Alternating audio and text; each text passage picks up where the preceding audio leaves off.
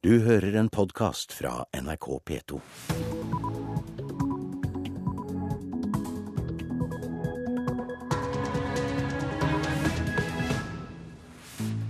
Velkommen til Nyhetsmorgen. Klokka er 6.30. Programleder i dag er Anne Gjertlund Hansen, og dette er våre hovedsaker. Rune Øygard skrev i går kveld oppsigelsesbrevet sitt til Vågå kommune. Han nekter fortsatt skyld, men trekker seg fra alle verv etter den knusende dommen i går. Bare én av tre norske skoler har beredskapsplaner mot skyting og andre alvorlige hendelser. Og mange kommuner dropper å gi anbefalt hjelp til barnehagebarn med spesielle behov. Jeg syns det er deprimerende. Det sier lederen for Private barnehagers landsforbund, Arild Olsen.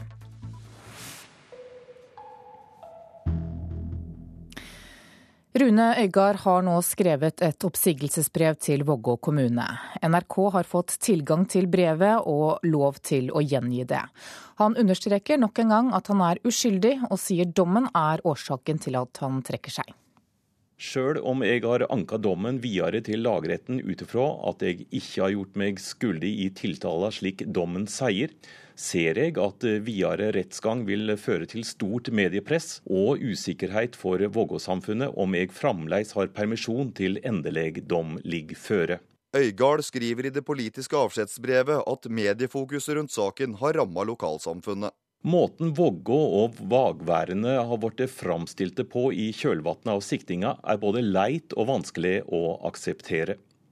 Ved at jeg får fritak fra alle verv jeg har som folkevalgt, håper jeg å bidra til at fokuset på Vågå kommune vil avta, og at kommunen i framtida igjen blir knytta til de verdier og kvaliteter bygda fortjener. I brevet skriver Øygard, som i går ble dømt til fire års fengsel, at saken har vært belastende for ham, hans nærmeste og venner. Den overgrepsdømte ordføreren avslutter oppsigelsesbrevet med å takke lokalsamfunnet for de 16 åra han har hatt som ordfører. Samtidig vil jeg ønske kommunestyret og alle i Vågå lykke til videre med utviklinga av Vågå-samfunnet. Takk for meg. Beste hilsing Rune Øygard. Det var Stein Skinstad som leste utdrag fra brevet. Du kan lese hele brevet på nrk.no. Og reporter her, det var Tom Håkenstad. Bare én av tre norske skoler har beredskapsplaner mot skyting og andre alvorlige hendelser. I nabolandet vårt Finland har flere skoler blitt angrepet av drapsmenn med skytevåpen de siste årene. Direktør Dag Thomas Gisholt i Utdanningsdirektoratet sier at alle bør ha slike planer, men at de ikke kan kontrollere innholdet i dem. Vi har ikke noen mulighet til å kontrollere innholdet i beredskapsplanene skolen lager. Her er det et kommunalt ansvar å sørge for at beredskapsarbeidet lokalt holder den nødvendige kvalitet. Så man kan bare melde fra om at vi har en plan, og så tar dere det for god fisk? Det er ikke vi som skal vurdere kvaliteten på planverket. Her er det Direktoratet for sivilt beredskap som har pådriveransvaret for det lokale beredskapsarbeidet. Og det er gjennom deres linje også at tilsyn med kommunenes oppfølging av dette foregår. Reporter var Kjartan Røslett. Regjeringen vil stramme inn slik at det blir enda vanskeligere å starte private skoler. Et nytt lovforslag skal hindre private Montessori-skoler på videregående nivå. Og dermed setter kunnskapsminister Kristin Halvorsen foten ned for godt for over 2000 private elevplasser fra neste høst. Vi foreslår en lovendring nå fordi vi ser at det er ikke et faglig grunnlag for å opprette videregående skoler med Montessori-pedagogikk. For å få drive private skoler må man ha et religiøst eller pedagogisk alternativ til den offentlige skolen. Det har bl.a. ført til en stor økning av grunnskoler med Montessori-pedagogikk på småsteder der offentlig skole er lagt ned. Men Montessori-forbundet mener selv at denne pedagogikken ikke passer til ungdom, og gikk selv til regjeringa for å stanse videregående skolekjeder i å starte Montessori-skoler. Montessori-pedagogikk er ikke en anerkjent og utprøvd pedagogisk metode på videregående nivå. Og Derfor har man gitt godkjenning i første omgang på sviktende grunnlag, og vi foreslår nå en lovendring for å hindre at det finnes et smutthull for å opprette privatskoler som ikke har en god faglig begrunnelse. Utdanningsdirektoratet har altså allerede gitt Drammen friskole, Trondheim Montessori-skole og Heltberg lov til å starte opp, men dette kan de nå altså bare glemme. Og Akademiekjeden har nå inne søknader om fem videregående skoler med Montessori-pedagogikk. Og da har selvfølgelig eh, private skoler prøvd å lete etter det smutthullet som gjør at de likevel kan starte, og da har de funnet et Montessori-smutthull. Det foreslår vi å tette nå sier Kristin Halvorsen, SV-ministeren, som nok en gang prøver å bremse fremveksten av private videregående skoler. Elisabeth Aspaker, skolepolitisk talsmann i Høyre, mener lovendringa er unødvendig. Jeg tenker at uh, denne søknaden kunne man ut ifra et ren sånn kvalitetsvurdering faktisk sagt ikke holder. For når man ikke har uh, utdanna lærere eh, på dette her uh, stadiet, altså innenfor videregående opplæring av Montessori, så er det simpelthen eh, bare én ting å gjøre, og det er å si nei. Mens FrPs Mette Hanekamhaug syns loven vi har i dag er altfor streng. Fremskrittspartiet vil heller slippe til flere private skoler, og ha forståelse for at akademiet søker om å få starte Montessori-skoler. Vi har forståelse for det, eh, fordi at akademiet ønsker faktisk å drive et godt videregående opplæringstilbud eh, til dagens elever. Og for å få lov til å gjøre dette, så måtte de ha benytta seg av det smutthullet som faktisk finnes i dag. Og reportere her var Linda Reinholdsen og Lars Nehru Sand. Og det blir mer om dette i Politisk kvarter klokka 7.45, programleder Sigrid Solund. Mette Hanekamhaug og kunnskapsminister Kristin Halvorsen, som vi begge hørte her, får bryne seg på hverandres argumenter i debatt. Denne saken viser hvor håpløs dagens friskolelov er, mener Fremskrittspartiet. De vil la alle som vil åpne skoler, så lenge de møter kravene fra staten. Og så kommer en SV-statsråd til. Utviklingsminister Heikki Holmås får kritikk fra Høyre for å ville styre andre lands politikk gjennom bistandsbudsjettet. Dette skjer altså i Politisk kvarter om en drøy time. Da skal det handle om pensjon, for kvinner vet mindre om pensjon enn menn. Tre av fire kvinner vet ikke hva de får i pensjon, mens tallet for menn er ca. to av tre. Det viser en undersøkelse fra Norges ingeniør- og teknologorganisasjon. Og Trond Markussen, president i Norges ingeniør- og teknologorganisasjon, hva er grunnen til at kvinner vet mindre om pensjon enn menn? Ja, det er et godt spørsmål, og det har vi også lurt på. Det kan hende at uh, vårt uh, delte samfunn, der vi deler på belastninga, og der kvinner tar uh, jobben med å passe hus og hjem, og så tar menn ansvaret for familieøkonomien. Det kan hende det er det som er årsaken til at kvinner er mindre fokusert på pensjon enn hva menn er. Det betyr at vi er mindre opptatt av penger? I det høye hele tatt ikke. Jeg tror kvinner er akkurat like opptatt av penger som det menn er. Eh, det som er litt synd, det er det at eh, vi er kanskje like opptatt av penger, men vi er flinkere og tøffere i lønnsforhandlinger enn det dere er. Og eh, det er synd i denne sammenhengen, og det er synd i en del andre sammenhenger. Men for oss som har en god del år igjen til pensjonsalderen, så, så virker det som dette her ligger litt langt fram i tid. Når bør vi begynne å planlegge vår egen pensjon? I går. Når du går ut i din første jobb, så er det lønn du fokuserer på. Og det er viktig. Men um, vi bør også ha med oss pensjon, da. Det at vi får en PC og en iPad og kanskje en telefon, er jo sånn som vi kanskje tenker mer på og syns er mer viktig i, i, den første jobben. Men uh, pensjon er enda viktigere i det lange løp. Og ikke bare når du begynner jobb, men helt klart når du bytter jobb, så er, så er pensjon et tema du bør ha med deg i, i lønnsforhandlinger, og når du ser på hvilken type firma du, du går inn i. Men Betyr det at vi egentlig er litt for late til å, til å, sette oss inn i ting som ligger langt fram i tid for de fleste av oss da når vi begynner i vår første eller andre eller kanskje til og med tredje jobb? Jeg vet ikke om det har med latskap å gjøre. Jeg tror det stikkordet du sier er at det ligger langt fram i tid. Dette trenger vi ikke forholde oss til nå, for det er så lenge til det, til det, skjer. Men det er jo nå du legger grunnlaget for den pensjonen du skal, skal, ta ut når du går ut av arbeidslivet. For det er helt klart at eh, når vi går ut av arbeidslivet på et eller annet tidspunkt så ønsker vi å ha akkurat de samme ytelsene og ha det like bra og kunne gjøre akkurat det samme som vi gjør som yrkesaktiv. Det kan bli en utfordring. Hva blir konsekvensen av at vi er så dårlige, særlig da kvinner, så dårlige til å sette seg inn i dette her eh, i god tid på forhånd? Det gjør det at den ytelsen vi får når vi går av med pensjon, er, er dårligere enn vi hadde forventa oss. Og vi går på en Om ikke en smell, så blir vi kanskje noe overraska. For eh, pensjonistene i dag er eh, mye mer eh, vitale og friske enn de var bare en generasjon tilbake. Eh, så de som går av med pensjon nå, de, de kan få en overraskelse og få dårligere ytelser enn de hadde forventa. Takk til deg, Trond Markussen. Da skal vi ta en kikk på dagens aviser, og dommen mot Vågå-ordfører Rune Øygard preger mange av forsidene i dag. Vågå-jentas nye liv er VGs overskrift. Jenta snakker ut om sladdere, fremtiden og ønsket om å bli bistandsadvokat. Aftenposten oppsummerer dommen med at Øygard stemples som lite troverdig, og at forklaringene hans var oppkonstruerte, at omgangstonen med jenta var seksualisert, og at det ikke var snakk om et omsorgsforhold. Løgnene som felte Øygard, skriver Dagbladet. Den 17 år gamle jenta sier til avisa at dommerne klarte å avsløre ham i større grad enn hun hadde trodd. Og dommen mot Øygard kan føre til at flere våger å anmelde sedelighetsforbrytelser. Det sier advokat Trine Rjukan til Dagsavisen, etter at den fornærmede jenta ble trodd av dommerne.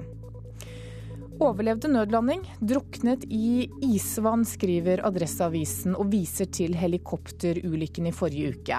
Den tyske flyhavarikommisjonen mener at den norske piloten greide å nødlande, og at det er et mysterium at ingen av båtene i nærheten greide å redde de to om bord opp fra vannet før de druknet. Bergens Tidende skriver at Bergens plan om å hente 300 millioner kroner i årlig utbytte fra det lokale kraftselskapet kan ryke. Årsaken er at kraftselskapene trenger penger til investeringer i linjer og anlegg de kommende årene. EU bryter EØS-avtalen, det sier SVs Snorre Valen til Klassekampen i dag.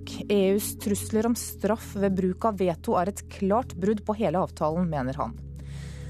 Flertallet i Dagens Næringslivs rentepanel vil øke renta med et kvart prosentpoeng, og advarer mot det de kaller en innvandringsboble. Spania og Irland viser at høy innvandring og lav rente kan gi en ustabil økonomi. Det sier bl.a. professor Steinar Holden. Salget av økologisk mat er doblet etter at flere matkjeder satte ned prisen på disse varene. Det skriver Nasjonen i dag. En av vinnerne er Grøstadgris i Vestfold. Vårt Land forteller historien om familien på fire som ble reddet ved å få avlastning av en reservebestemor, og stadig flere ressurssterke familier ber om hjelp for å få hverdagen til å gå rundt. Veibudsjettet brøytes opp, det skriver Stavanger Aftenblad. Hå kommune brukte opp hele brøytebudsjettet på én dag, og brøytingen spiser i stedet av vedlikeholdsbudsjettene til veiene. Skal vi ha sport. Idrettsadvokat Gunnar Martin Kjenner har liten tro på at undersøkelsene Antidoping Norge har gjort i saken mot Petar Vukisevic vil gi sterke nok bevis til å felle ham. Denne uka er det ventet en avklaring i saken rundt friidrettstreneren. En så gammel sak er det klart vanskelig å, å finne bevis. Når det er eh, opptil ti år tilbake, så, så, så, sier det seg selv at det er eh, problematisk. I dag møter styret i Antidoping Norge til møte, før man overleverer informasjonen i undersøkelsene av Vukicevic-saken til påtalenemnda. 12.11 skrev Dagbladet at Petar Vukicevic skal ha sendt e-poster med spørsmål om doping til sin serbiske venn Serdan Djordjevic i perioden 2001 til 2003. Dermed strekker sakens kjerne seg ti år tilbake i tid. Men selv om saken hadde vært eh, av nyere dato, så tror jeg også den ville vært vanskelig. fordi idretten har ikke noe særlig kompetanse. De har ikke noe organ som kan ta seg av denne type saker. Altså, antidoping er noe så sin sak. På spørsmål fra nrk.no forrige uke svarte lederen av påtalenemnda Arnstein Gjengedal at saker er vanskeligere å bevise jo eldre forholdene er. Gunnar Martin Kjenner håper man ikke gjør Vukicevic-saken til en diskusjon om etikk og moral, dersom man ikke kan felle han med bevis. Og Det syns jeg virker litt håpløst. Jeg mener at Skal det reagere, så må det være på grunnlag av regler, og ikke ut på, på grunnlag av moralbud. Reporter var Mats Håby.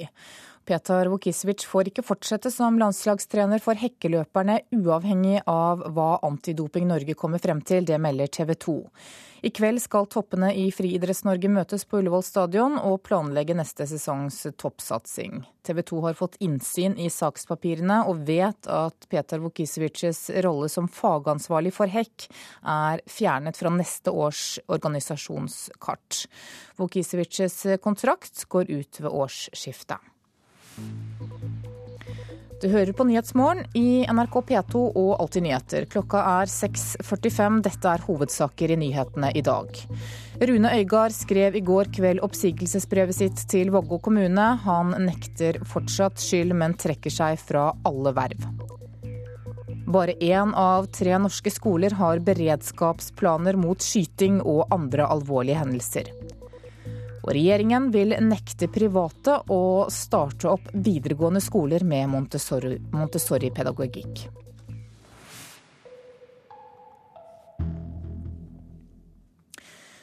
Skolene har høy terskel for å definere plaging av elever for mobbing. Og det er en av grunnene til at foreldre og elever blir avvist når de tar opp problemer. Det viser en masteroppgave fra Universitetet i Stavanger. Skolenes handlingsplaner fanger i liten grad opp den mer skjulte mobbingen, og legger heller ikke vekt på elevenes egen opplevelse. Det sier Irene Husveg, som har undersøkt et utvalg skoler i Rogaland. I de handlingsplanene jeg har sett på, så er det ikke spesifisert at det skal legges vekt på eh, hvordan eleven sjøl opplever situasjonen. Det trass i at nasjonale retningslinjer klart slår fast at det skal legges vekt på elevenes egen opplevelse når det blir avgjort om noe er mobbing eller ikke. I sine definisjoner av mobbing legger dessuten skolene hovedvekta på fysiske angrep. Altså Det er enkelt å fange opp det som er håndgripelig, men det er ikke fullt så enkelt å fange opp det som er mer eller mindre skjult. Og disse funnene stemmer godt med erfaringene til Senter for atferdsforskning, sier førstelektor Grete Våland. Mitt inntrykk er nok at skolene etter hvert er flinke til å avdekke fysisk mobbing, verbal mobbing, men henger etter når det gjelder den, den eh, mer diffuse. Der er ikke noe blåmerker, der er ikke noe neseblod. men... Den forferdelige opplevelsen av skolehverdagen er minst like ille. Hun mener funnene i masteroppgaven er viktige, for det har mye å si hvordan skolene definerer mobbing. Når definisjon kan brukes til å parere en sak og si at dette, dette er ikke mobbing, så blir den definisjonen så viktig som livet er for det barnet som dette gjelder. Jeg tror ikke det er vond vilje. Jeg tror av og til at det glipper på kompetanse. Jeg tror av og til at det, man glir litt unna, gjør unnamanøvre fordi man har det travelt. Og hvis man ser noe her, så vet man kanskje ikke helt hva man skal gjøre. Men jeg er redd for at det noen gang også er feighet. Det sa førstelektor Grete Våland ved Senter for atferdsforskning. Reporter var Marianne Terjesen. Mange kommuner blåser i råd fra ekspertene og dropper å gi anbefalt hjelp til barnehagebarn som har spesielle behov. Det viser en eh, fersk undersøkelse Private barnehagers landsforbund har gjort blant nesten 1000 barnehager. Berit Vassdal har akkurat levert fireåringen sin i barnehagen. Han er funksjonshemmet og trenger mye hjelp i hverdagen. Men først etter mange års kamp kan mamma endelig vinke ha det uten bekymring. Veien dit har vært lang. Ja, Det er kjempebelastende. Og det gjør jo at man innimellom møter veggen. Og blir sykemeldt fra jobb og trenger bare en sånn timeout for å, å hente krefter. Berit er ikke den eneste som må kjempe hardt for å få hjelp til sønnen sin. I en undersøkelse utført av Private barnehagers landsforbund blant nesten 1000 barnehager her i landet, er resultatet nedslående. 40% svarer at kommunene ikke lytter til faglige råd når de deler ut penger til hjelp. Det opprører daglig leder i Private barnehagers landsforbund, Arild M. Olsen. Jeg syns det er deprimerende å lese resultatene av undersøkelsen det er helt klart at, at, her er det de svakeste som rammes. Altså de som har de, de ungene som trenger mest hjelp, og de foreldrene som trenger mest hjelp. Som, som rammes ut av at man ikke har sørga for at, eh, å ha en tilfredsstillende finansiering. Dette er et alvorlig nasjonalt problem som ikke kommunene kan rydde opp i alene, mener lederen, som vil ha handling fremfor ord. Kommunene må jo da si at dette er et ansvar vi har. Eh, og alle snakker om tidlig innsats. Og tidlig innsats det er ikke noe man skal snakke om, det er noe man skal gjøre. Kommunen har et særlig ansvar for disse ungene, og det ansvaret det må kommunen ta. Lederen av kommunenes interesseorganisasjon KS i Østfold, Ole Håbet, medgir at dette er vanskelig. Det er ulike meninger om eh, hvor mye tiltak som skal settes i gang. Jeg ser jo her på undersøkelsen at eh, spesielt foreldre og de i barnehagen de ønsker i langt større grad eh, tiltak inn. Så ligger PP-tjenestens eh, anbefalinger noe imellom eh, det som da kommunen finner at de greier å gjøre. Og, og sånn er det jo alltid, at man må vurdere ulike behov opp mot hverandre. Berit kjempet for sønnen sin og vant, men er sint for at mange ikke får hjelp. Veldig mange foreldre med barn som har spesielle behov, de er så slitne så de orker ikke å, å lage noe styr. Og da er det så veldig greit å ta akkurat de, for da blir det minst bråk. Bråk har det blitt for Berit og familien. Men barnehagen, den hadde de ikke klart seg uten. Vi har ikke noe spesialpedagogisk kompetanse, og vi har nok de timene hvor han er hjemme. Så det er godt for han å komme bort fra oss og være sammen med hjemmegamle barn og se og lære og utvikle seg. Og reporter i saken var Anette Torjussen. I mars sa Forleggerforeningen at 6000 boktitler vil være tilgjengelige som elektroniske bøker. I dag kommer en ny rapport som viser at det reelle tallet blir under 4000. Og det er ikke godt nok, mener et uavhengig forlag. Nå skal vi se. 'Ute og det hester', den har jeg lest for lenge siden, men det kan være kult å ha den på, ned på paden. Direktør i Forleggerforeningen, Kristen Einarsson, handler kjapt en ny e-bok på nettbrettet sitt. Men lista over tilgjengelige bøker er mye kortere enn forlagene forespeila tidligere i år. Undersøkelsen vi gjennomførte i mars blant forlagene, når vi spurte hva, hvor mange titler de trodde det skulle bli i slutten av året, så trodde de ca. 6000. Undersøkelsen nå i november viser jo da at det blir 4000, pluss at de er nedjustert forventningene for neste år. Det ble altså bare gitt ut to tredeler av det tallet forlagene trodde de skulle få gitt ut av e-bøker. Det syns forlagssjef Guro Vasa i uavhengige Publikum er ei dårlig utvikling. Jeg syns jo først og fremst det er trist, fordi jeg tror vi alle er tjent med å ha et eh, bredest mulig utvalg av eh, e-bøker tilgjengelig på, på alle de vanligste plattformene. Publikum har hatt stor suksess med å gi ut krimbøkene til forfatter Jan Melum på e-bok. Men Vasa tror de store forlagene er redde for å tape penger på at leserne går over til å kjøpe bøker som fil i stedet for i perm. Det sitter nok litt langt inne for, for de større forlagene som er redd for at det store papirboksalget skal, skal falle bort som følge av det her. 2012 skulle være det store satsingsåret for e-bøker og omsetningsdelen for forlagene ble firedobla, fra 0,1 til 0,6% fra i fjor til i år. Men ifølge Einarsson møtte forlagene større motstand enn venta. Det har vært eh, vanskelig å rettighetsklarere en del verk man, eller bøker enn det man trodde. Prosessen har tatt lengre tid, det å digitalisere. Og det tredje er at noen har øh, drøyet litt fordi at markedet har gått, vokst saktere enn hva man hadde håpet. Men er dere redde for økningen i e-bøker? Nei, altså Poenget eh, for forlagene er at de skal tjene penger på helheten. fordi du har ikke, du, du, du har ikke redusert noen kostnader ved å lage boka. Eh, så nei, altså, forlag, altså bransjen satser. Leserne skal få tak i bøkene der, på den måten, og der de ønsker det. Men det er altså ikke noe problem at det ble gitt ut 2000 mindre enn uh... Nei, for det, det, er ikke det folk er opptatt av. Altså, folk er opptatt av hva møter de når de går opp på appen. Når jeg går på appen min på de norske nettbokhandlerne, så er jeg interessert i finner jeg det jeg er interessert i. Kristen Einarsson er direktør i Forleggerforeningen, og reporter var Maria Pile Svåsand. En japansk kvinne har falt pladask for musikken til Elverumsbandet Team Me. Nå har hun lært seg norsk og kan tenke seg å flytte hit. Det kommer frem i dokumentarfilmen 'Sayonara Elverum', som handler om gruppas reise fra lille Elverum til store Tokyo. Filmen har premiere i hjembyen til låtskriver Marius Droksås Hagen i kveld. Jeg har gått og venta på snøen, så nå kommer den endelig. Nå er lysløypa gått opp. Tilbake i Elverum etter europaturné. Marius Droksås Hagen blir tutet på overalt han går i hjembyen. Jeg blir iallfall veldig sånn ydmyk av det, på en måte. Han blir brydd av at folk på andre sida av kloden har falt for musikken hans.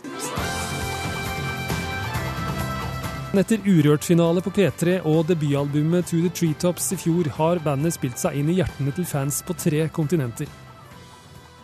Jeg heter Aiko jeg kommer fra Japan. Hva heter du? Sier Aiko på telefon fra Osaka i Japan. Her forteller hun første gang hun hørte musikken av Elverumsbandet Team Me. I was working at record shop in Japan. Det har skjedd så fort. Oi, her er det 1000 japanske fans som står og synger låtene våre. Sier Kristoffer Kumar, som sammen med Sven Arild Storberget nå har laget dokumentarfilmen 'Sayonara Elverum'. 1年前から働き始めたんですけど Filmen er om Team Mees reise fra lille Elverum til store Tokyo, og om Aiko. 今のタワーレコードの仕事はずっと昔から憧れてて var veldig veldig stor fan, men samtidig veldig rolig fan. Nå er det liksom Team E, og nå, nå har jeg lyst til å lære seg norsk og har flyttet til Norge og er helt eh, pladask forelska i både ja, først og fremst Team E, men nå Norge. Dokumentarfilmen, som har kostet 400 000 kroner, er støttet av Østnorsk Filmsenter og bl.a. den norske ambassaden i Tokyo.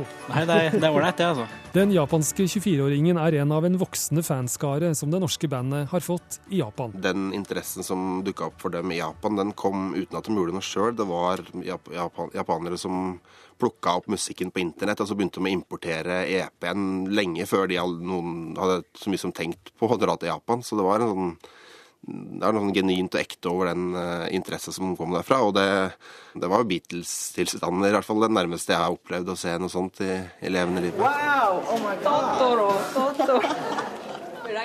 Vi så jo da japanere som eh, hvor mange egentlig sleit med å kunne engelsk, men samtidig kunne låtene til Team Me på leppene, og det var ganske sprøtt å se. Det var kjempebra. I filmen følger vi den japanske kvinnas ti timer lange reise for å møte favorittbandet fra Elverum. That was very great. And they are very nice and lovely people. Det har gått veldig fort. Ja, jeg har ikke, det har ikke sunket inn i det hele tatt ennå. For noen dager siden var Aiko i Norge, og kanskje flytter hun hit. I still can't believe I was in Norway. I kveld er Team Me klare for filmpremiere i Storsalen i Kulturhuset hjemme i Elverum. Ja, det er på en måte det viktigste stedet å ha premiere, for det er jo der filmen kommer fra, og der bandet kommer fra, og der eh, vi kommer fra for så vidt også. så det tror jeg blir stas. Jeg har hørt noen rykter om at det blir servert sushi og grønn te. Jeg håper det. Jeg håper det blir det. Reporter var Stein S. Eide. Nå skal vi se på et værvarsel som gjelder til midnatt. Fjell i Sør-Norge kan vente seg østlig bris i dag, oppholdsvær i nord til dels pent vær. Østland og Telemark nordøstlig opp i frisk bris på kysten. Først på dagen lette snøbyger sør for Mjøsa, ellers stort sett oppholdsvær. Agder nordøstlig opp i liten kuling på kysten, fra i ettermiddag frisk bris. Skyet, enkelte sludd- eller snøbyger, fra i ettermiddag lettere vær og skydekke først i indre strøk. Rogaland og Hordaland østlig bris, først på dagen til dels frisk bris i Hordaland, fra i ettermiddag skiftende bris. Litt regn eller sludd av og til, vesentlig på kysten, ellers opphold og noe sol. Sogn og Fjordane og Møre og Romsdal sørøstlig bris, til dels pent vær. Fra i ettermiddag sørvestlig bris på kysten. Enkelte sludd- eller regnbyger på kysten nord for Stad, for øvrig opphold. Trøndelag, Helgeland, Saltfjellet og Salten østlig frisk bris utsatte steder. I grensestrøkene litt snø av og til, ellers oppholdsvær. I kveld sørlig opp i frisk bris på kysten. Enkelte sluddbyger eller regnbyger på kysten. Ofoten, Lofoten og Vesterålen sørlig frisk bris utsatte steder. I indre strøk litt snø av og til. Fra i ettermiddag enkelte snøbyger i Lofoten, ellers delvis skyet oppholdsvær. Troms og kyst- og fjordstrøkene i Vest-Finnmark østlig frisk bris utsatte steder. Nord i Troms og i Vest-Finnmark nordøstlig liten kuling. I formiddag dreiende sørøstlig. I indre strøk litt snø av og til. Først på dagen enkelte snøbyger på kysten, ellers etter hvert mye pent vær. Øst-Finnmark og Finnmarksvidda kan vente seg minkende til østlig bris. I kveld sørlig opp i frisk bris i kyst- og fjordstrøkene. Enkelte snøbyger på kysten og litt snø sør på vidda, ellers oppholdsvær. Og på Nordensjøland, på Spitsbergen, er det ventet økning til sørlig stiv kuling i dag. Kortvarig sterk kuling i vest. Etter hvert snø og snøfokk. Fra i ettermiddag vestlig liten kuling. Og i kveld oppholdsvær.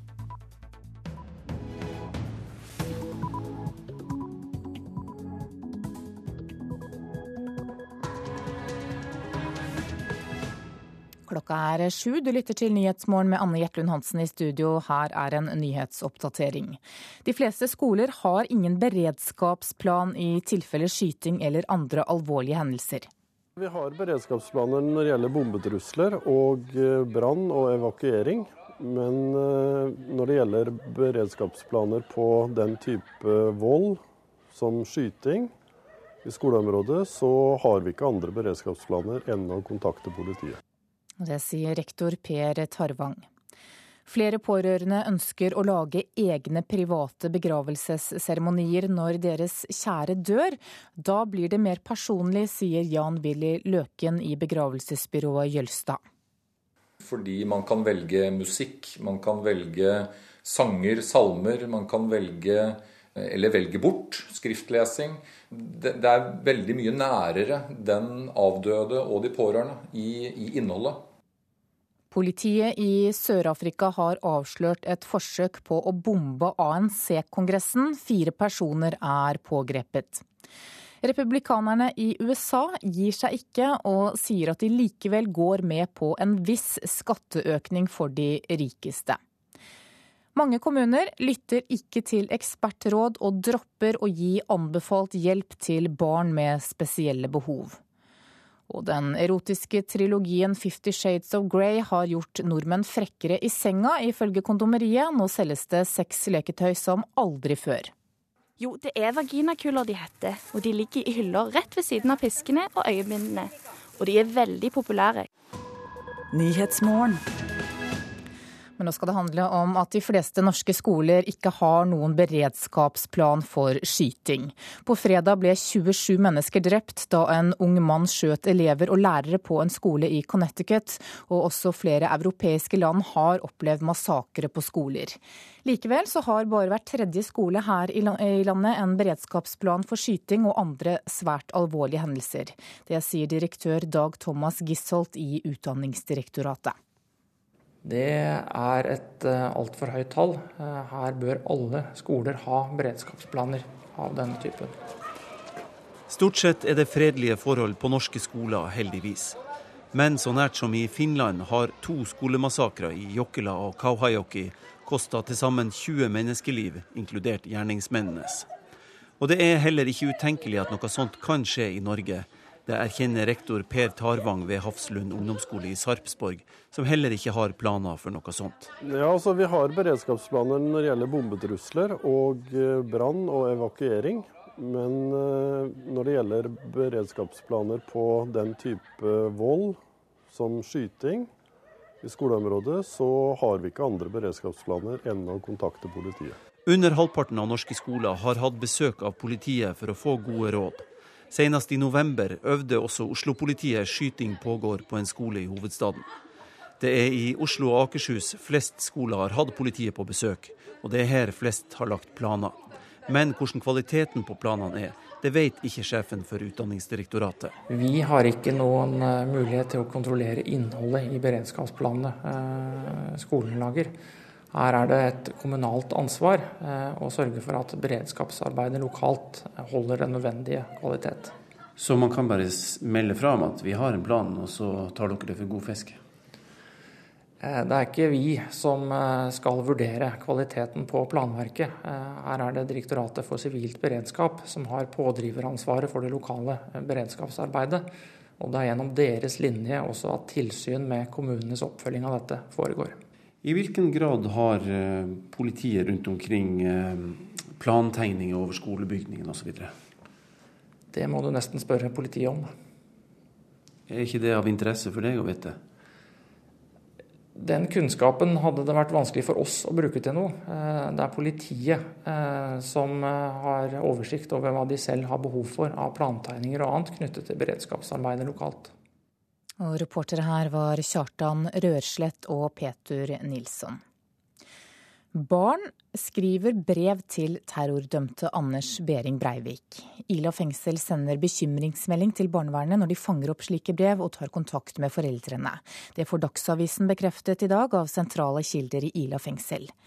Breiviks advokat Tord Jorde kjenner til at klienten hans har fått brev fra barn og ungdom, men han kjenner ikke til hvor mange brev det er snakk om, eller alderen til avsenderne. Alle brev til Breivik blir lest, kontrollert og om nødvendig sensurert. Stadig flere pårørende ønsker fritt å sette sammen begravelsesseremonien når deres kjære dør. Det opplyser Norges største begravelsesbyrå. Dette skjer etter at Kulturdepartementet i sommer begynte å legge bedre til rette for såkalte livssynsåpne begravelser. Mikkel Solbjørg var glad han sto fritt til å velge musikk da faren hans døde i forrige måned. Han eh, bodde i Spania i ganske mange år i sine yngre dager og hadde veldig veldig mange spanske venner, så vi eh, tok My Way på spansk med Gypsy Kings, som var han. Han gjorde alt på sin måte og akkurat sånn som han ville. Personlig musikk, taler og bilder preget seremonien da 70 år gamle Lasse Solbjørg ble gravlagt i november. Jeg holdt minnetalen på den måten jeg ville holde minnetale, og jeg hadde noen ganske fine, morsomme bilder av min far som eh, viste hvilken skøyer han var egentlig. I sommer lanserte Kulturdepartementet egne nettsider om livssynsåpne begravelser. Der vil de hjelpe folk til å sette sammen sin egen gravferdsseremoni, med den musikken og minneordene de selv ønsker, religiøse eller ikke-religiøse. Bakgrunnen er bl.a. at stadig flere nordmenn verken er troende eller medlemmer i et trossamfunn. Lederen for Norges største begravelsesbyrå, Jølstad i Oslo, Jan Willy Løken, sier de opplever stor interesse og har ansatt egne gravferdstalere for å bistå folk. Jeg tenker at uh, dette fort blir veldig mye mer personlig. Fordi man kan velge musikk, man kan velge sanger, salmer, man kan velge eh, eller velge bort skriftlesing. Det, det er veldig mye nærere den avdøde og de pårørende i, i innholdet. I en spørreundersøkelse utført av Norstat for Jølstad svarte én av seks at de kunne tenke seg dette for sin egen begravelse. I Oslo var det enda flere. Men utenom de store byene kan lokaler bli et problem, bekrefter Løken. Vi har mange steder i og for seg gode alternativer når det gjelder små seremonier. Med, med, ikke så mange deltakere, men når det begynner å bli større, la oss si 200 og flere, da begynner det å, å skorte på egnede lokaler. Og eh, så langt vi vet, så ønsker ikke Kirken å bruke kirkelokaler til dette.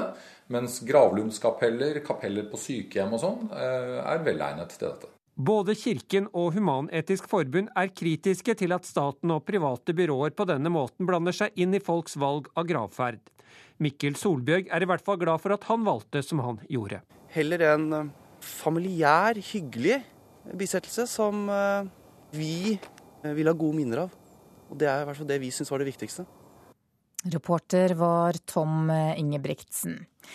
Biskop i Hamar bispedømme Solveig Fiske, hvorfor er dere i kirken kritiske til dette her?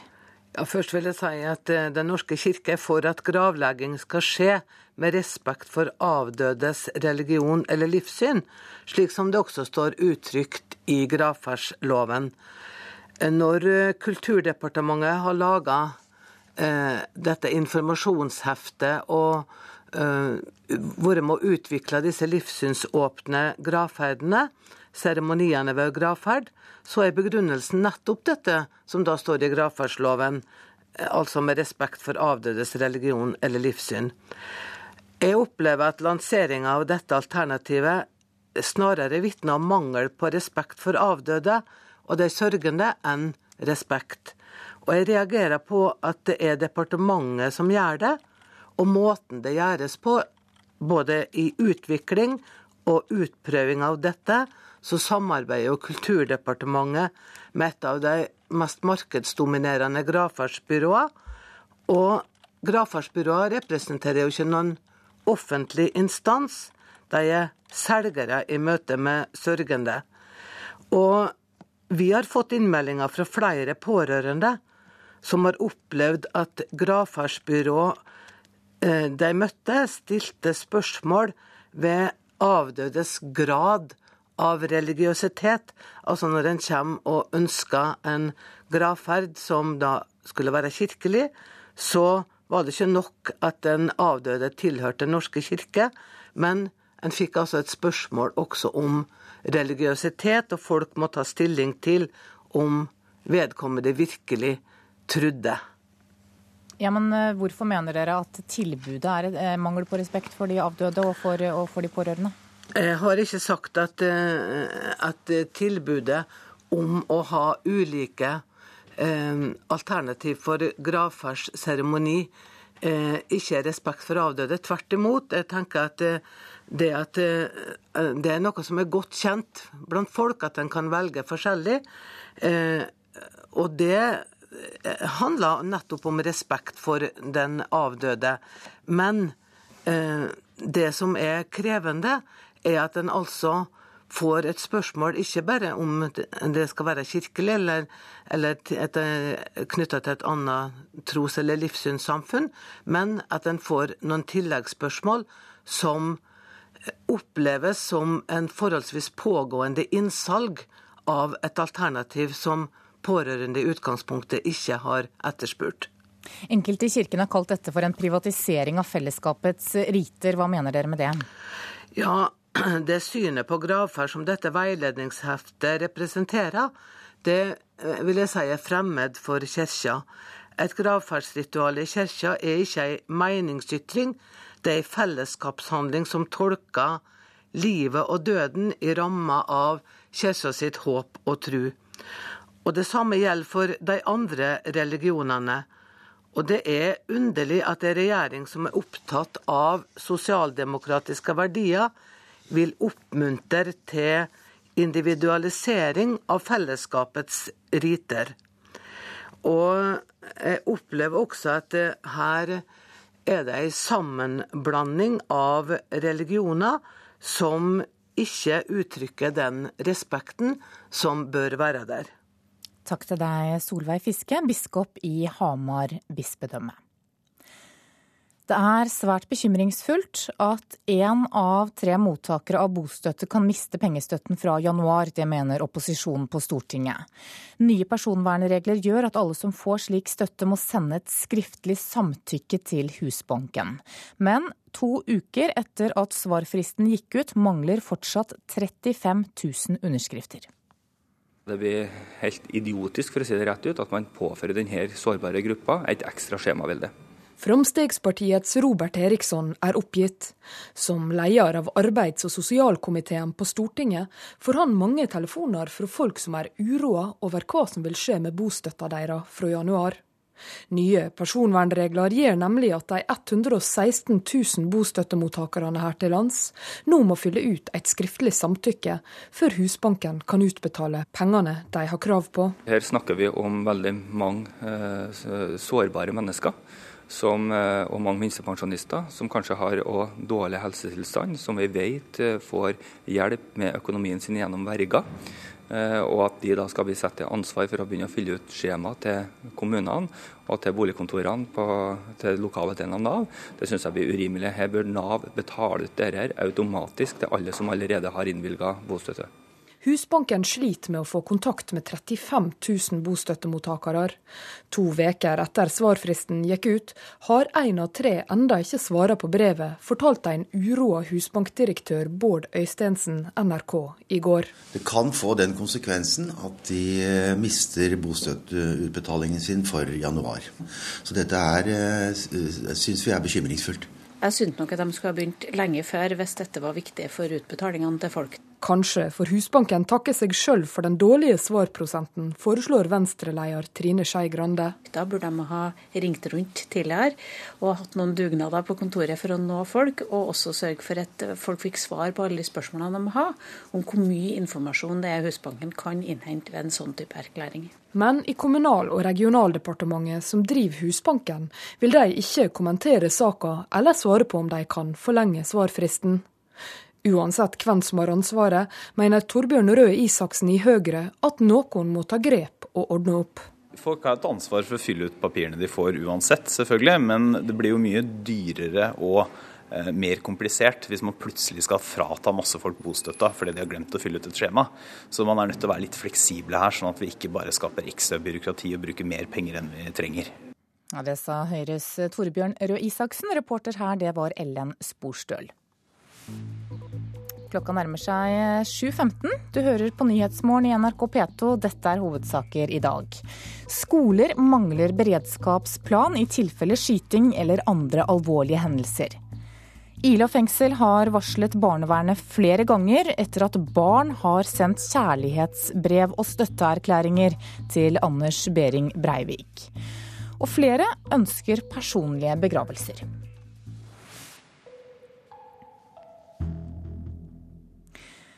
I USA gir republikanerne seg og sier at de likevel kan gå med på en viss skatteøkning for de rikeste. Forslaget fra republikanernes flertallsleder John Boner er det første klare tegnet på at republikanerne endrer linje og aksepterer skatteøkninger. Here we are at the 11th hour, and the president still isn't serious about dealing with this issue right here. It's this issue spending. Sjefen i representanthuset John Boehner står med en plansje og forklarer journalistene at statens utgifter må ned. Og før han reiste hjem til Ohio for helga, la han ikke skjul på frustrasjonen over budsjettforhandlingene. Ifs and ands and buts are like candy and nuts. If that were the case, every day would be Christmas. Listen, my goal is to get to Det kunne vært jul hver dag om alle forbeholdene var som godteri, sier John Boehner. Verken han eller presidenten har kommet med noen innrømmelser offentlig de siste dagene. Og det er mer snakk om hvordan man skal forhandle videre om spareplanen, enn forhandlingenes innhold. De selvpålagte automatiske budsjettkuttene ved nyttår og samtidig økte skatter er så kraftig kost at økonomer tror hele verdensøkonomien kan rammes om Kongressen ikke finner en løsning. Budsjettstupet omtales det som, og de to partiene har malt seg inne i hvert sitt hjørne. Another way of putting this is we can probably solve this in about a week. It's not that tough. Presidenten er fortsatt optimist, og målinger tyder på at flertallet, tre av fire, er på hans lag i budsjettstriden. Obama mener det eneste som holder igjen en budsjettavtale, er republikanernes motstand mot å øke skattene for de rikeste 2% av befolkningen. Republikanerne har tilbudt nye inntekter for staten ved å tette skattehull, men mener demokratene også må være med på et kraftigere innhogg i utgiftspostene og kutte mer i sosiale programmer for å få USA økonomisk opp fra knestående. Uh,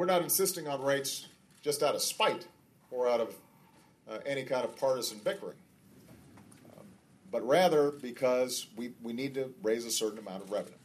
Om Obama og Boehner skulle bli enige om en budsjettavtale, vil det ta flere dager å få skrevet kompromisset om til lov og få det vedtatt i de to kamrene.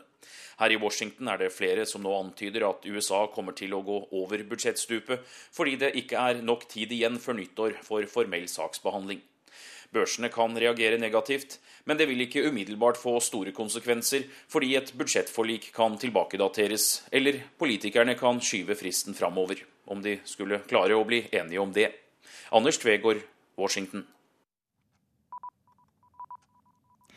I USA har våpenforsvareren National Rifle Association vært stille på sosiale medier siden skolemassakren i Newtown på fredag.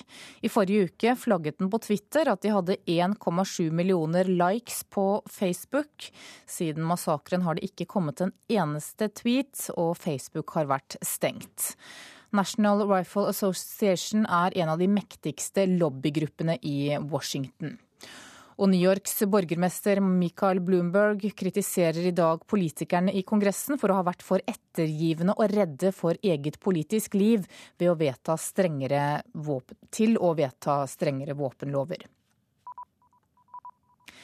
EU-kommisjonen vil ha større advarsler om helsefare på røykpakkene. Lovforslaget går likevel ikke så langt som i Australia. Der skal alle sigarettpakker fra nå av være nøytrale og likt utformet, og navnet på produktet skal stå med liten skrift. Lovforslag fra EU innebærer at tre firedeler av pakningen skal være dekket av advarsler, og at smakstilsetninger som mentol blir forbudt. FN ber Syria om å tillate flere hjelpeorganisasjoner inn i landet. Ifølge FN trenger over 3,5 millioner syrere hjelp for å overleve. Også mangel på drivstoff hindrer organisasjonene å frakte ut livsnødvendig hjelp. Moren til gjerningsmannen bak skolemassakren i Newtown var forberedt på det verste. Ifølge en tante hadde Nancy eh, Lanza nødlagre av mat hjemme og øvde på skytebanen flere ganger. Moren ble drapsmannens første offer, skutt i sin egen seng, før han skjøt, over, eh, skjøt og drepte 26 andre ved barneskolen. I Sør-Afrika har politiet avslørt et forsøk på å bombe ANC-kongressen. Fire personer er pågrepet. Og korrespondent Lars Sigurd Sunnanå, hva vet du om dette? Ja, de fire betegnes som ytterliggående høyreekstremister. og To av dem skal være medlemmer av det føderale frihetspartiet, som kjemper for hvitt selvstyre i de delene av Sør-Afrika der de hvite er i majoritet. De, har, de, skal altså da ha planlagt å plassere en bombe i et av forsamlingsteltene på kongressområdet, men de ble altså avslørt før de kom så langt. Er det nå klart om Jakob Zuma får fornyet tillit i partiet? Avstemningen fant sted i går kveld, og vi kan gå ut fra at den manuelle opptellingen av de vel 4000 stemmene for lengst er avsluttet. Etter alt å dømme kommer kunngjøringen om at Jakob Zuma er gjenvalgt som partileder i løpet av formiddagen. Det har ikke vært noen reell spenning knyttet til avstemningen, men det blir interessant å se hvor mange det er som har støttet Sumas motkandidat, visepresidenten Galema Motlante. Det vil gi en pekepinn på hvor populær eller upopulær Suma er blitt etter hvert. Er det et eh, svekket ANC som kommer ut av denne 53. kongressen? Det er et parti i krise som uh, har vært samlet noen dager nå i Mangaung. Jakob Zuma hans regjering har ikke levert det som ble lovet på den forrige kongressen for fem år siden. Arbeidsledigheten er fortsatt skyhøy. Korrupsjonen sprer seg på alle nivåer i Sør-Afrika. Og kanskje verst av alt, skolevesenet har forfalt til å bli et av de dårligste i hele verden. Mens ulikhetene i samfunnet, gapet mellom fattig og rik, er blitt større enn i noe annet land i verden. De 4000 delegatene og 2000 observatørene i Manguang har ikke mye å være stolte av. Nelson Mandela ligger fortsatt på sykehus. Hvordan er tilstanden hans? Ja, Rapportene forteller at det går fremover med ham. Eh, men den jevne sørafrikaner er altså nå i øyeblikket vel så opptatt av hvordan det går med ham, som med hva som pågår i Manguang. Er du 94 år gammel og først må behandles for en lungeinfeksjon, og så etterpå må fjerne gallestein, er det høyst alvorlig. Det trenger en ikke være lege for å forstå. Men sørafrikanerne folder hendene og ber for sin store frigjøringshelt. En julefeiring i dyp sorg er overhodet ikke det denne nasjonen med 50 millioner innbyggere ser frem til. Takk til deg, Lars Sigurd Sunnanå. Da skal vi ta en kikk på dagens aviser, og dommen mot Vågå-ordfører Rune Øygard preger mange av forsidene i dag. Vågå-jentas nye liv er VGs overskrift. Jenta snakker ut om sladderet, fremtiden og ønsket om å bli bistandsadvokat. Aftenposten oppsummerer dommen med at Øygard stemples som lite troverdig, og at forklaringene hans var oppkonstruerte, at omgangstonen med jenta var seksualisert, og at det ikke var snakk om et omsorgsforhold. Løgnene som felte Øygard, skriver Dagbladet. Den 17 år gamle jenta sier til avisa at dommerne klarte å avsløre ham i større grad enn hun hadde trodd. Og dommen mot Øygard kan føre til at flere våger å anmelde sedelighetsforbrytelser. Det sier advokat Trine Rjukan til Dagsavisen i dag, etter at den fornærmede jenta altså ble trodd av dommerne. Overlevde nødlanding, druknet i isvann, skriver Adresseavisen og viser til helikopterulykken i forrige uke. Den tyske flyhavarikommisjonen mener at den norske piloten greide å nødlande, og at det er et mysterium at ingen av båtene i nærheten greide å redde de to om bord opp fra vannet før de druknet. Bergens Tidende skriver at Bergens plan om å hente 300 millioner kroner i årlig utbytte fra det lokale kraftselskapet kan ryke. Årsaken er at kraftselskapene trenger penger til investeringer i linjer og anlegg de kommende årene. EU bryter EØS-avtalen. Det sier SVs Snorre Valen til Klassekampen i dag. EUs trusler om straff ved bruk av veto er et klart brudd på hele avtalen, mener han.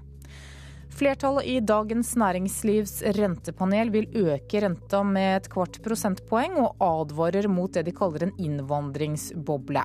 Spania og Irland viser at høy innvandring og lav rente kan gi en ustabil økonomi, sier bl.a. professor Steinar Holden. Salget av økologisk mat er doblet etter at flere matkjeder satte ned prisen på disse varene. Det skriver Nasjonen. En av vinnerne er Grøstad-gris i Vestfold. Vårt Land forteller historien om familien på fire som ble reddet ved å få avlastning av en reservebestemor. Og stadig flere ressurssterke familier ber om hjelp for å få hverdagen til å gå rundt. Veibudsjettet brøytes opp, det skriver Stavanger Aftenblad. Hå kommune brukte opp hele brøytebudsjettet sitt på én dag, og brøytingen spiser i stedet av vedlikeholdsbudsjettet til veiene.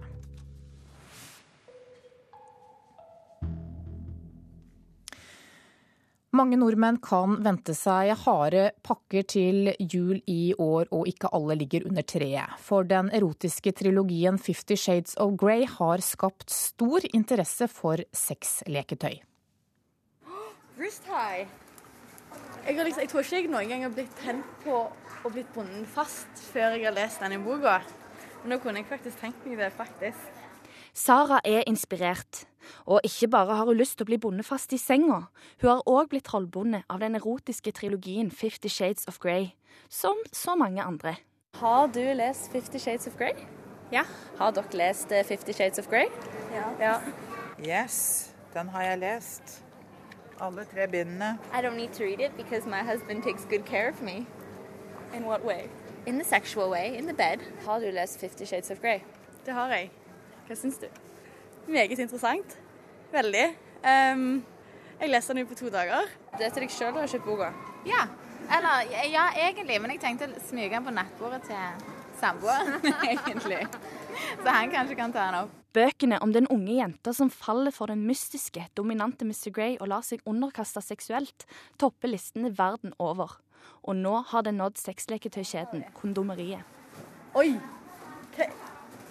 OK, den vet jeg ikke om jeg hadde turt å på. Er det ting du kjenner igjen fra boka? Ja. Alt der. Alt er med i boka.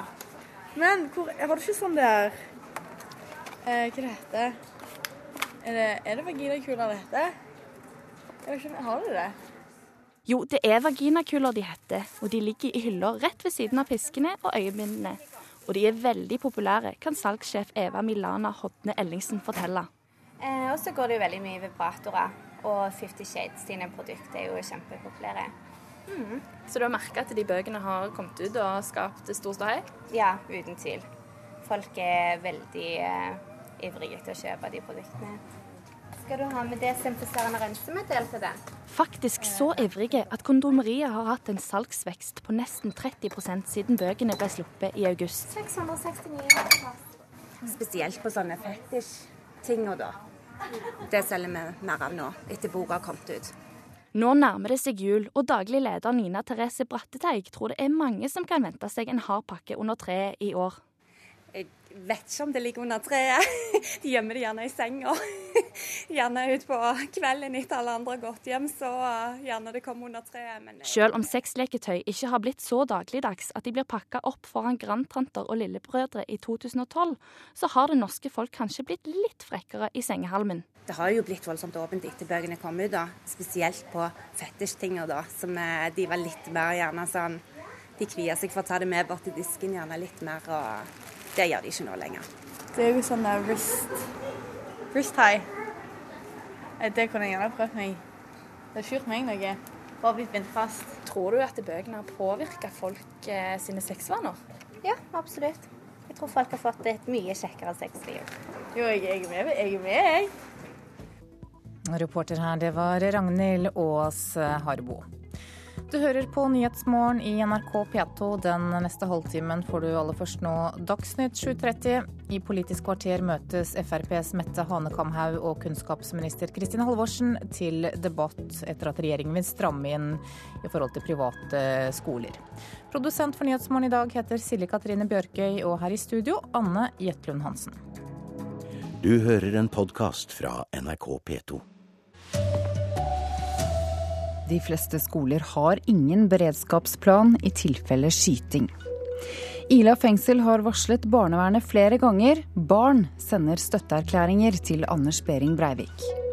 Rune Øygard beklager at Vågå har fått så mye negativ omtale. Her er NRK Dagsnytt klokken 7.30. De fleste norske skoler har ingen beredskapsplan for skyting. 27 mennesker ble drept på en barneskole i USA på fredag, og også flere europeiske land har opplevd massakre på skoler. To av tre skoler mangler en beredskapsplan for skyting og andre alvorlige hendelser, sier direktør i Utdanningsdirektoratet Dag Thomas Gisholt. Det er et eh, altfor høyt tall. Eh, her bør alle skoler ha beredskapsplaner av denne typen. Stort sett er det fredelige forhold på norske skoler, heldigvis. Men så nært som i Finland har to skolemassakrer i Jokkela og Kauhajoki kosta til sammen 20 menneskeliv, inkludert gjerningsmennenes. Og det er heller ikke utenkelig at noe sånt kan skje i Norge. Det erkjenner rektor Per Tarvang ved Hafslund ungdomsskole i Sarpsborg, som heller ikke har planer for noe sånt. Ja, altså Vi har beredskapsplaner når det gjelder bombetrusler og eh, brann og evakuering. Men eh, når det gjelder beredskapsplaner på den type vold som skyting i skoleområdet, så har vi ikke andre beredskapsplaner enn å kontakte politiet. Under halvparten av norske skoler har hatt besøk av politiet for å få gode råd. Senest i november øvde også Oslo-politiet skyting pågår på en skole i hovedstaden. Det er i Oslo og Akershus flest skoler har hatt politiet på besøk, og det er her flest har lagt planer. Men hvordan kvaliteten på planene er, det vet ikke sjefen for Utdanningsdirektoratet. Her er det et kommunalt ansvar eh, å sørge for at beredskapsarbeidet lokalt holder den nødvendige kvalitet. Men nå lover Gisholt at skolene skal få hjelp til å lage beredskapsplaner. Vi er nå i ferd med, i samarbeid med Politidirektoratet, å utarbeide en veiledning til hvordan lokale beredskapsplaner eh, kan utformes. Reportere var Kjartan Rørslett og Petur Nilsson. Antallet amerikanere som vil ha strengere våpenlover har økt markant etter skolemassakren i Newtown. Det viser en meningsmåling gjort av Ipsos for nyhetsbyrået Reuters. 50% av de spurte mener reguleringen av våpensalg må bli strengere.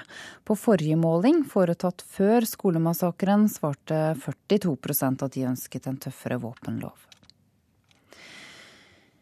Ila fengsel har varslet barnevernet flere ganger etter at barn har sendt brev til terrordømte Anders Behring Breivik. Flere barn og ungdommer har sendt kjærlighetsbrev og støtteerklæringer til fengselet. Og nå sørger fengselet for at foreldrene til barna blir varslet. En kjærlighetserklæring fra en 16 år gammel jente. Ungdommer som sender oppmuntrende ord i personlige brev. Dette får Breivik fra norske og utenlandske barn og ungdommer. I sekkene med post som blir levert til fengselet, skriver Dagsavisen. Breiviks advokat Vibeke Hein Bæra vil ikke uttale seg om det konkrete innholdet i brevene, men bekrefter at han får brev også fra barn. Ja, eh, det har han eh, fått. Eh, barn har jo fulgt med på, på saken, både da det skjedde 22.07 og rettergangen i ettertid. Og vi vet jo at barn er veldig opptatt av det som har skjedd. Siden Ila begynte å få brev i fengselet, bestemte fengselsledelsen seg for å varsle barnevernet hver gang mindreårige skrev til ham. Etter det kommer det ikke flere brev fra barna. Bæra sier fengselsledelsen må få varsle hvis de vil det, men sier at også barn har ytringsfrihet. Fengselet må jo forholde seg til eh, regelverket eh, slik det er, og der, eh, der det er grunnlag for en varslingsplikt. Samtidig så har barn ytringsfrihet på lik linje med alle andre, og Breivik har ytringsfrihet. Så det holdes opp mot hverandre, slik som lovverket er. Reporter Haldor Asvald.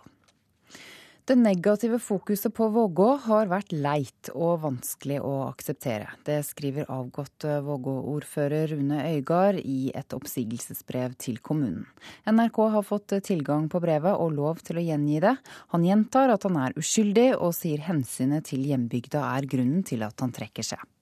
Sjøl om jeg har anka dommen videre til lagretten ut ifra at jeg ikke har gjort meg skyldig i tiltala slik dommen sier, ser jeg at videre rettsgang vil føre til stort mediepress og usikkerhet for Vågå-samfunnet om jeg fremdeles har permisjon til endelig dom ligger føre. I brevet skriver Øygard, som i går ble dømt til fire års fengsel, at saken har vært belastende for ham, hans nærmeste og venner. Den overgrepsdømte ordføreren avslutter oppsigelsesbrevet med å takke lokalsamfunnet for de 16 åra han har hatt som ordfører. Samtidig vil jeg ønske kommunestyret og alle i Vågå lykke til videre med utviklinga av Vågå-samfunnet. Takk for meg. Beste hilsing Rune Øygard.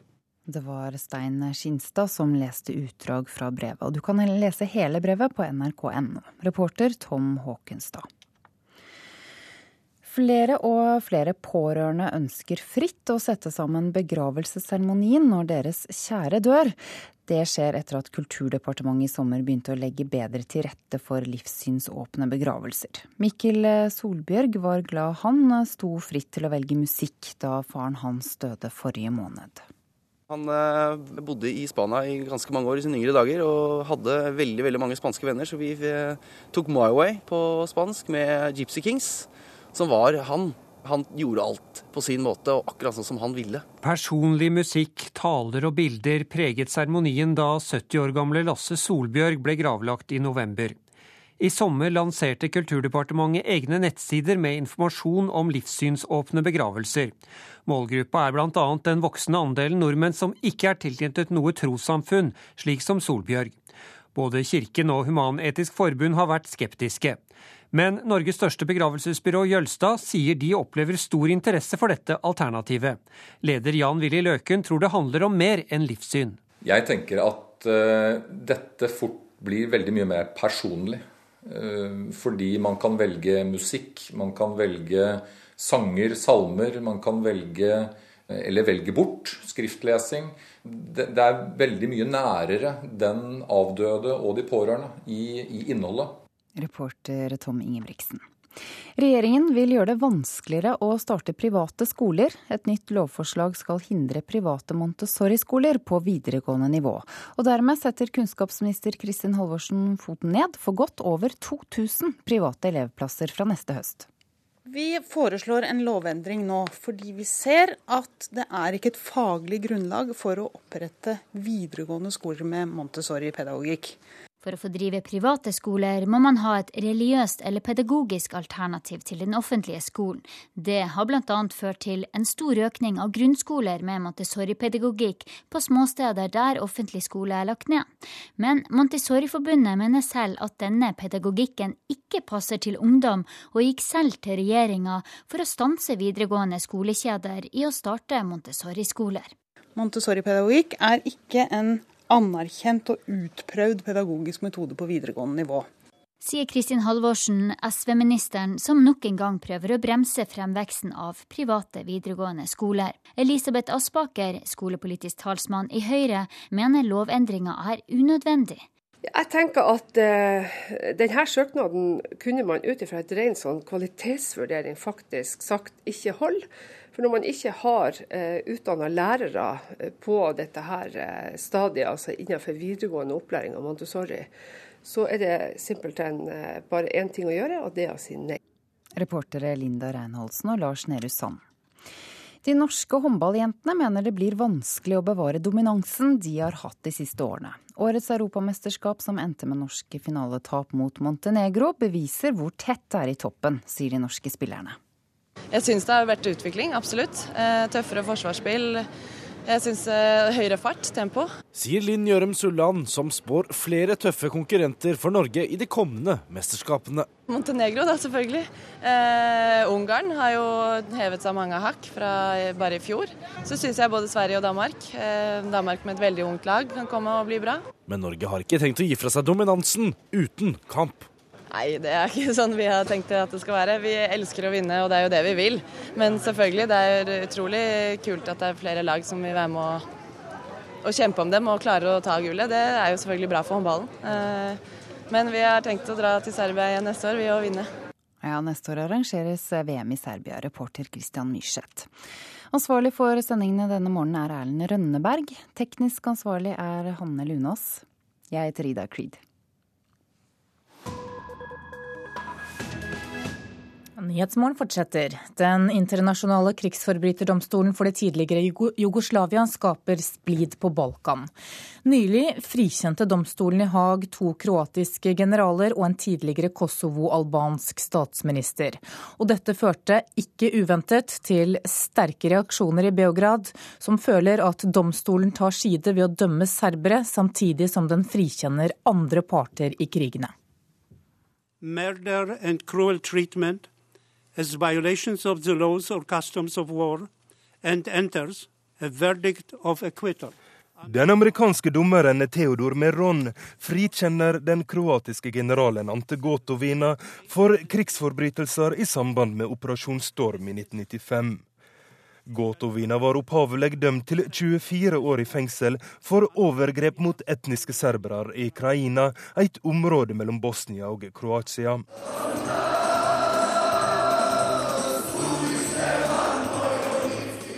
Som fri mann ble Gotovina mottatt som en helt i hovedstaden Zagreb. Der var en storm i krigen, og dette var en juridisk storm. Vi har vunnet, dette er slutten, sa general Gotovina. Men i Serbia var dette bare begynnelsen på en bitter ordkrig mot domstolen i Haag.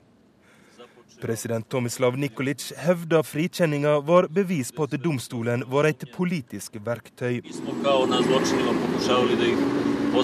Årsaka er enkel. Kroatia skal få lov til å bli medlem av EU fullstendig reinvaska, samtidig som en dømmer det serbiske folket, sa Nikolic.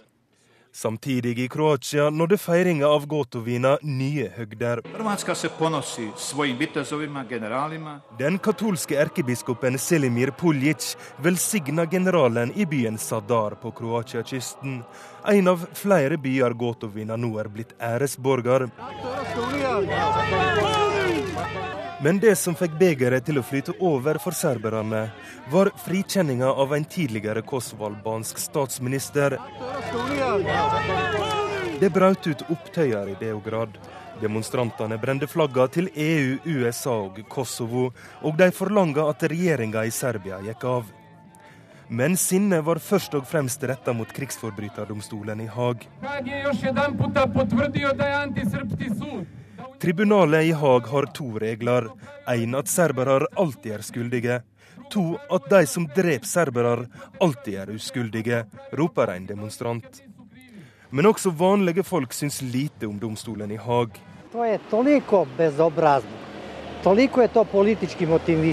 Dette er så frekt. Det er politiske motiv bak. De sa de ikke hadde nok bevis, men jeg tror de ikke yngste å finne bevis, sa en eldre mann i Beograd til nyhetsbyrået Reuters.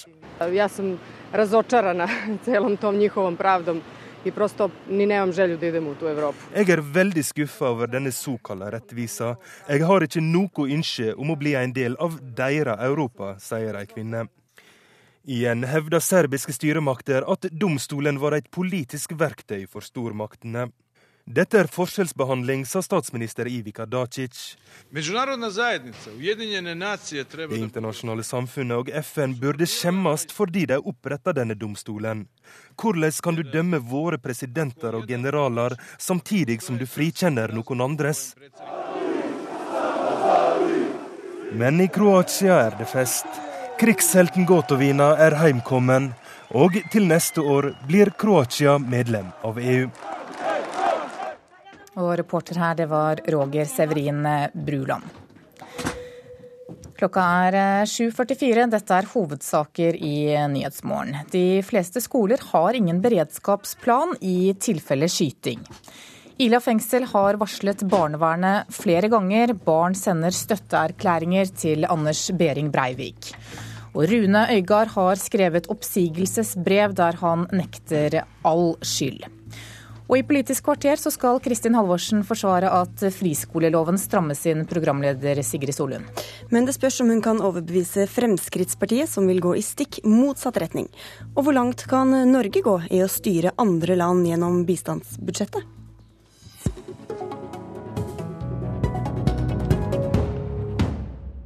Regjeringen strammer inn friskoleloven og setter foten ned for alle planlagte Montessori-skoler på videregående nivå. Grunnen er skolenes manglende faglige grunnlag. Kristin Halvorsen, kunnskapsminister, hva får dette å si?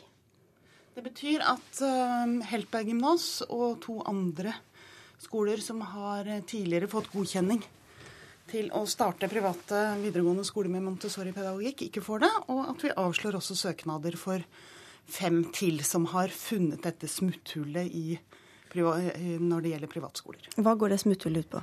Det går ut på at Helberg gymnas har fått godkjent en læreplan basert på Montessori-pedagogikk. Eh, og da de fikk det, så reagerte Montessori-forbundet og sa at det fins ikke noe godkjent pedagogisk eh, plan for, på videregående nivå når det gjelder Montessori pedagogikken. Og vi har ca. 50 Montessori-skoler i Norge, men de er på grunnskolenivå. Og Montessori-forbundet er selvfølgelig veldig opptatt av å verne om sin pedagogiske retning og sitt alternativ, sånn at det ikke vannes ut. Men hvilken rolle spiller det hva de kaller seg hvis de hadde en god nok pedagogikk til at de ble godkjent i utgangspunktet? Nei, det som er bakgrunnen for godkjenning av private skoler i Norge etter vår lov, det er at man enten står for en alternativ pedagogisk retning, eller at det er en kristen eller religiøs uh, skole. Sånn at her har man rett og slett funnet et uh, smutthull i loven som vi nå tetter igjen. Så den godkjenningen, der var det noen andre som ikke gjorde jobben sin, da, eller? Nei, det er rett og slett at vi har sett at det er behov for å presisere loven i forhold til hva som er en anerkjent pedagogisk retning. Og det vi nå sender på høring, det er at det skal være utprøvd, utbredt og utførlig beskrevet i faglitteraturen. De tre sånn uene, ja. Ja, men sånn at en har en viss terskel på dette. Det er klart at når Montessori-forbundet reagerer og sier at det er ikke noe anerkjent pedagogisk Montessori-retning på videregående nivå, og ikke noen lærerutdanning heller på videregående nivå, så eh, ser vi at vi trenger en innstramming av loven. Mette Hanekamhaug, skolepolitisk talsperson i Fremskrittspartiet. Hva mener du denne saken sier om den loven vi har i dag? Altså, for det første så ser vi jo det at i innstramminga er det forslag om at det skal være alternative pedagogikken skal være utbredt og utprøvd. Og da blir det jo svært vanskelig for nye aktører å komme inn på skolemarkedet generelt sett. Så det vi ser da, er jo det at dette er jo bare en måte å forby nesten samtlige nye skoler til å komme inn på markedet. For det andre så har vi i Fremskrittspartiet full forståelse for det Montessori-forbundet sier, at de ikke ønsker sin pedagogikk skal bli utvanna. Men samtidig så må vi også se på det at Montessori-bevegelsen i verden, som har flere skoler, de har jo også veldig mange videregående skoler av Montessori, bl.a. i USA, Nederland og Tyskland. Så det at det finnes pedagogikk innenfor Montessori-grena også på videregående nivå, det gjør det, bare ikke i Norge. Ok, Men, men dette vil blitt godkjent under et Frp-styre, da, eller?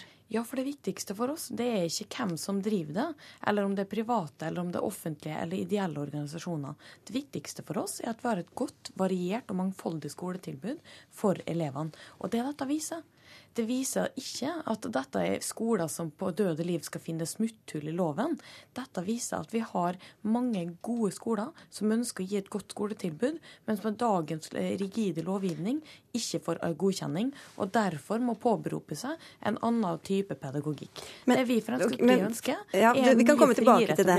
Men Kristin Halvorsen, for å ta det første hun snakker om, altså dette må være utbredt og ut vannet, holdt jeg på å si. Hva var det andre? Nei, altså, det bør være utbredt øh, og, og utprøvd og ja. utførlig beskrevet hva, hva, Hva gjør det da med muligheten for å tenke nytt uh, utenfor den offentlige skolen og, og komme med nye alternativer? Da må man jo i tilfelle søke om å drive forsøk da, for å få en utprøvd pedagogikk. Vi Hvor lett har, er det, da? Nei, ja, Vi har to retninger i dag i Norge som er anerkjent, og det er Montessori-pedagogikken og Steine-pedagogikken.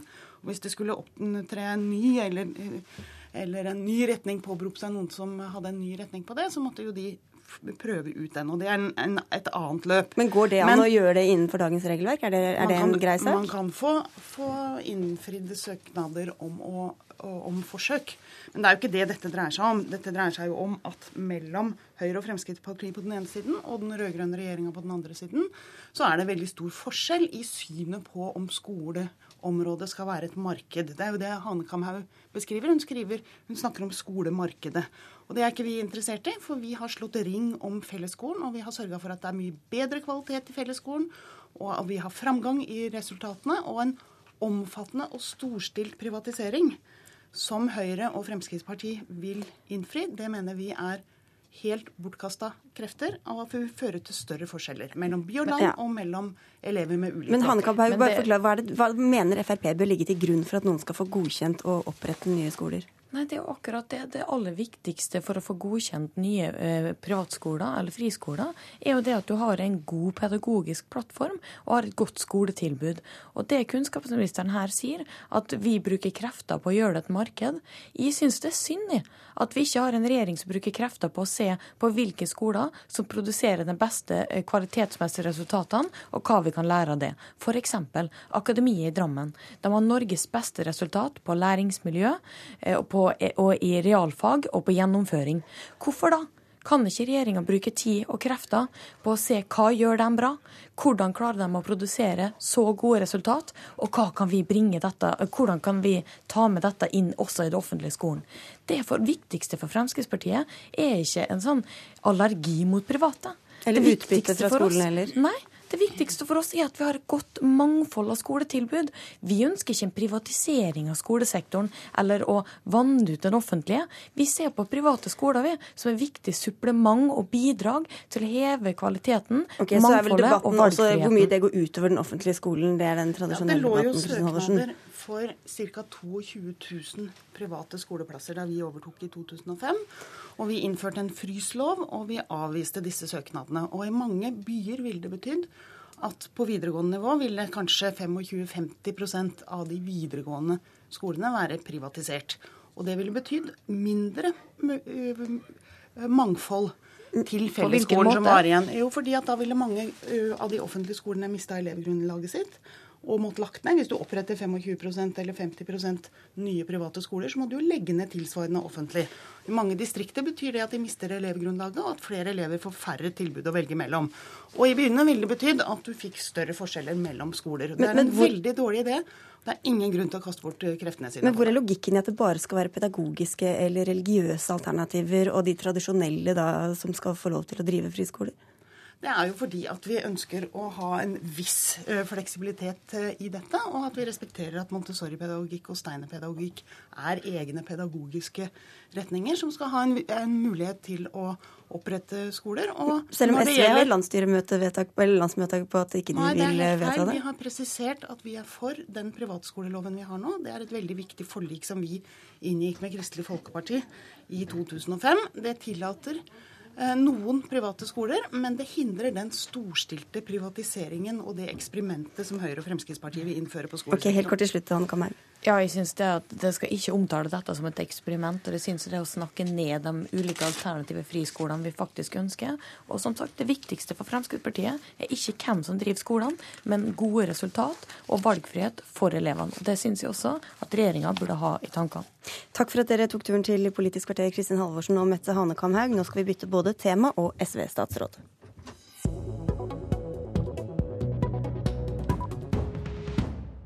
Skal Norge bruke bistandsmidlene til å styre fordelingspolitikken i andre land? Det er essensen i en interpellasjon i Stortinget i dag, som du står bak, Peter Gitmark fra Høyre. Hva vil du peke på?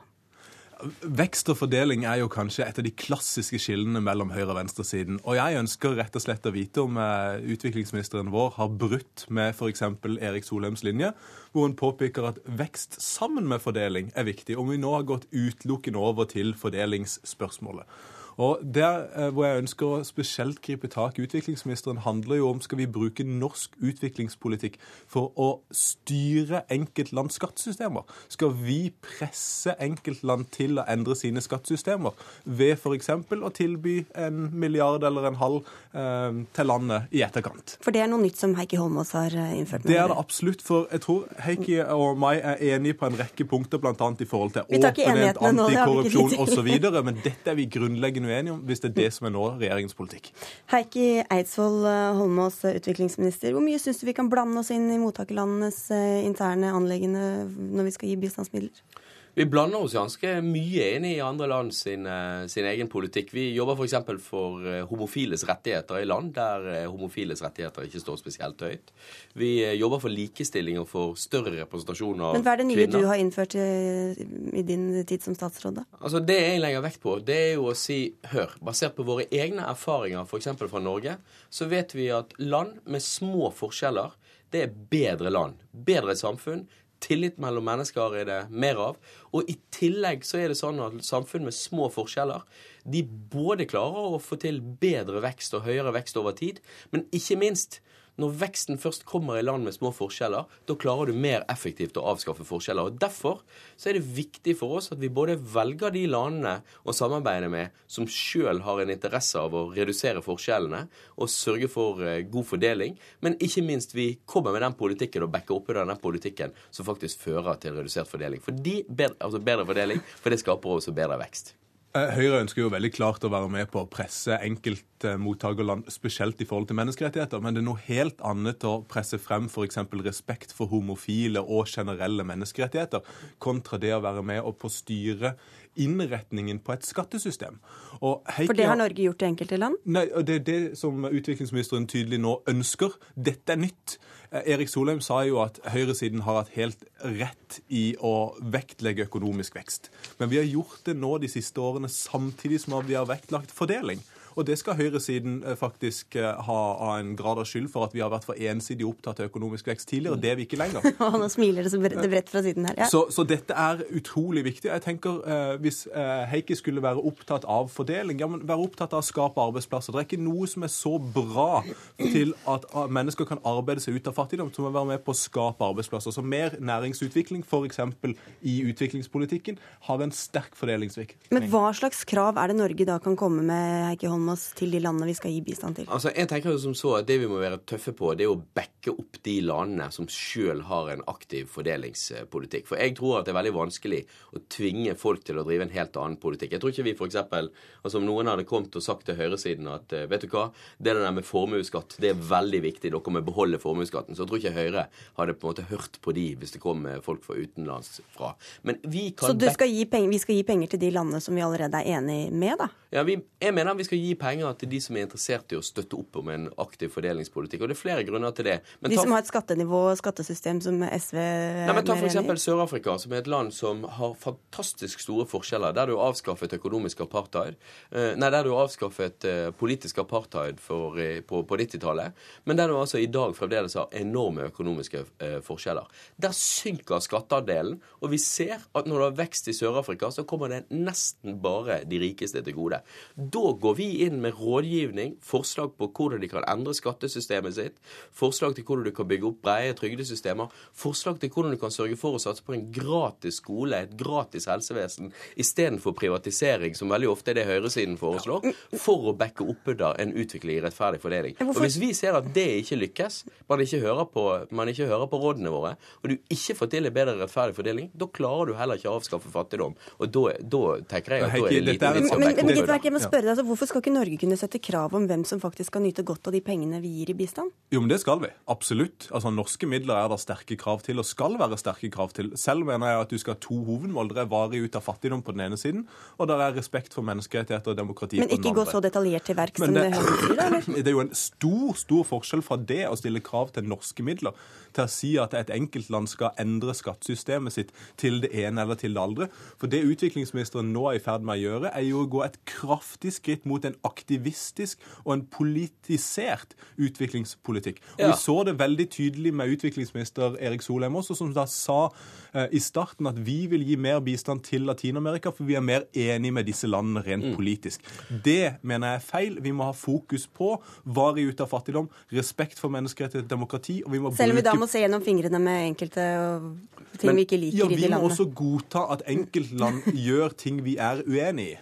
Selvsagt. Men det som er poenget, er jo at vi inviterer jo aleneforsørgeren med lav inntekt på Tøyen til å være med og bidra med sine skattepenger for å sørge for å få andre lands folk ut av fattigdom. Og Hvis vi da ikke skal stille krav til at de rikeste også i det landet skal få folk, bidra til å få folk ut av fattigdom, vel, da tror jeg at oppslutningen om norsk utviklingspolitikk for rettferdig fordeling faktisk ikke vil komme til å få gjennomslag. Og apropos oppslutning, er det så dårlig stilt med SV nå at dere må tvinge politikken på andre fattige afrikanere? Altså, Vi har jo en veldig bra politikk politikk som fører til et land som altså har et av de laveste forskjellene i verden. Og jeg tror at når, folk, når jeg snakker med folk ute, så ser de på Skandinavia og på, på Norge som en modell. og det tenker jeg, det skal vi være med på å backe opp. Jeg tror ikke det er noe stor sug der ute etter mer SV-politikk i resten av verden, akkurat som det er her i Norge. Jo da, det er det, og det er det som er bra. Og takk skal dere ha for at dere kom til Politisk kvarter. Peter Gitmark fra Høyre og Heikki Holmås fra SV. Mitt navn er Sigrid Solund. Politisk kvarter er over for i dag. Du har hørt en podkast fra NRK P2.